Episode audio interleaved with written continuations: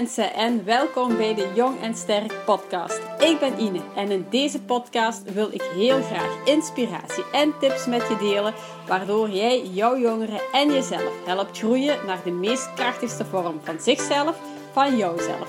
Groeien en laten groeien. Hoe kan jij jouw jongeren helpen zodat die vol zelfvertrouwen in het leven staat? Hoe kan jij jouw jongeren helpen groeien naar die weerbare en respectvolle jongvolwassenen? Hoe kan jij jouw jongeren helpen zodat die gelukkig in het leven staat? En hoe kan je dit allemaal doen vanuit een ouderschap dat volledig in lijn ligt met wie jij bent, zodat jij het ouderschap kan beleven vanuit rust en vertrouwen, maar vooral ook vanuit veel plezier? Ik heb er alvast zin in! Hey, hey, lieve jij en welkom bij deze aflevering van de Jong en Sterk podcast. Het is uh, even wat stiller geweest op de podcast, uh, bewust. Omdat ik uh, zelf even naar een reflectie ben geweest. Uh, meestal, en dat is mijn valkuil, als ik iets super leuk vind om te doen, zoals deze podcast, dan wil ik dat ook heel consequent doen. En dan vind ik dat ook heel leuk om te doen, waardoor ik mij onbewust steeds meer een druk opleg. En de afgelopen twee weken had ik even zoiets van, mm, oké, is het nog altijd vanuit dezelfde energie als dat ik ermee begonnen ben? Ja, wellicht wel. Maar ik voelde wel een bepaalde druk naar mezelf toe. Dat ik, ehm, dat ik dit echt wel twee keer per week wou doen.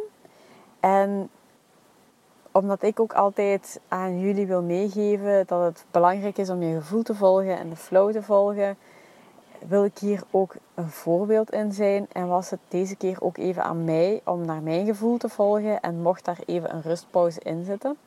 Dus ehm, dat even in het kort. De reden waarom het wat stiller is geweest de voorbije twee weken. Ehm, omdat het ook aan mij even was om mijn gevoel te volgen.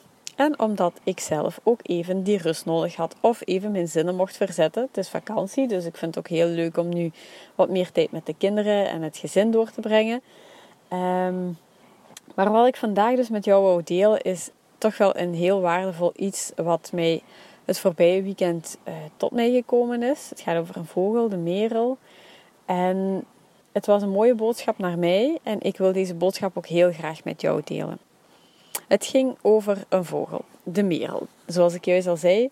En de merel was wellicht op zoek naar voedsel of zo en had als doel om het bij de kippen lekker mee te gaan pikken. Maar was zo gefocust op zijn doel dat hij het eh, net dat rond het kippenhok gespannen is niet gezien had. Met als gevolg dat hij dus helemaal vast zat in het net. Zowel zijn hoofdje, zijn pootjes, zijn vleugel Ehm, en hij was best wel in paniek. Uh, het was een beetje krijsen, een beetje wild fladderen, wat, waardoor dat de situatie eigenlijk nog een beetje erger werd. Uh, maar hij wou er natuurlijk uit geraken en hij geraakte er niet uit. Dus er zat niks anders op om mijn hart te volgen en dat beestje te gaan redden. In de mate van het mogelijke, want ja, ik moest natuurlijk nog gaan observeren wat ik kon doen. En hij zat er behoorlijk in verstrikt, maar uiteindelijk heb ik hem toch vastgenomen gehad. En heb ik draadje per draadje gekeken hoe hij vast zat en hem daar uiteindelijk uitgehaald. Uh, eerst zijn vleugeltjes, zijn kopje. Hij was heel angstig. Ik voelde het ook dat hij heel angstig was.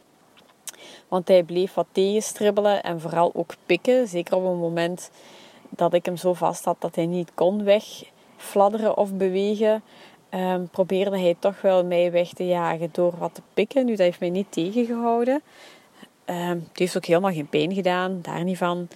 Ehm, maar hij hield wel vast. Hij hield letterlijk vast. Zeker met zijn pootje hield hij eigenlijk vooral het net vast dat hij kon voelen.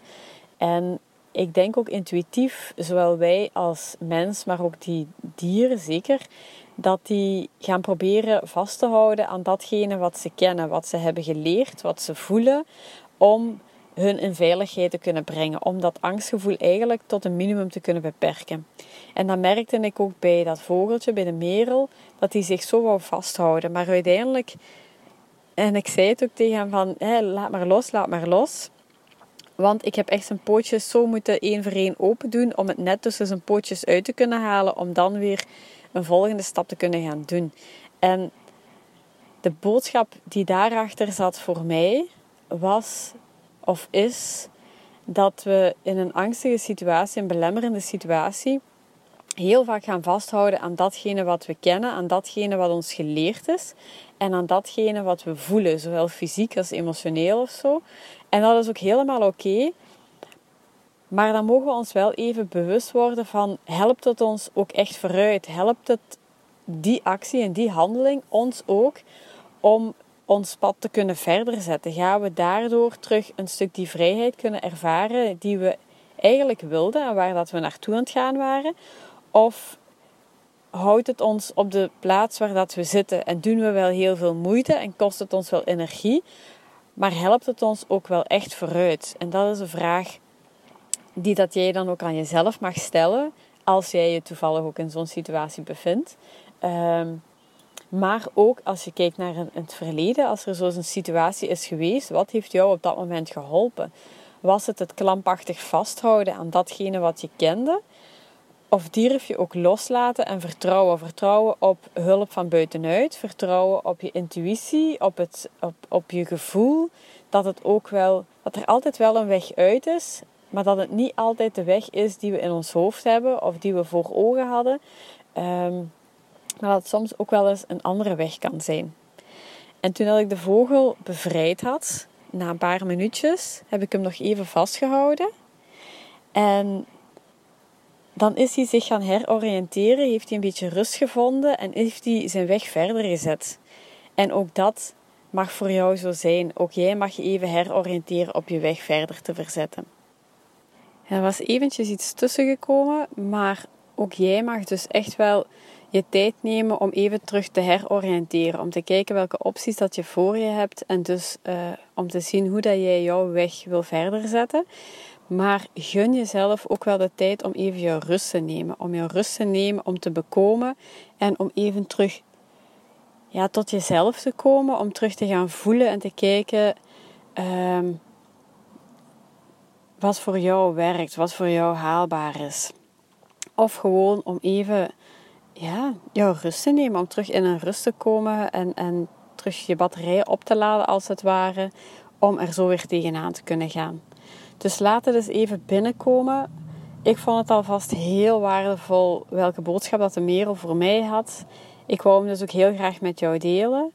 Um, ja, vind je het interessant? Deel hem dan ook gerust met anderen. Maar kijk vooral eens even naar jezelf toe. Dan uh, rest mij alleen nog dankjewel te zeggen om te luisteren. En dan zou ik zeggen, geniet nog van jouw dag. Maak er iets moois van, want in elke dag zit wel iets moois. En tot snel. Dada!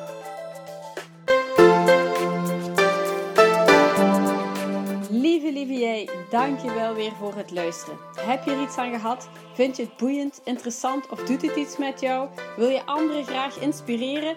Deel het dan gerust. Maak een screenshot, tag me op Instagram, je stories of gewoon in je feed. Want ik vind het ontzettend leuk om te weten en te horen wie er luistert, wie ik mag inspireren en wie jij bent aan de andere kant van het verhaal. Wil jij meehelpen om deze podcast ook voor andere ouders bereikbaar te maken? Ga dan zeker naar iTunes. Zoek de podcast, scroll even naar beneden en geef een recensie. Want hoe meer recensies, hoe sneller deze podcast gevonden wordt en hoe meer ouders ik kan bereiken met mijn boodschap. Super, super bedankt en tot de volgende keer!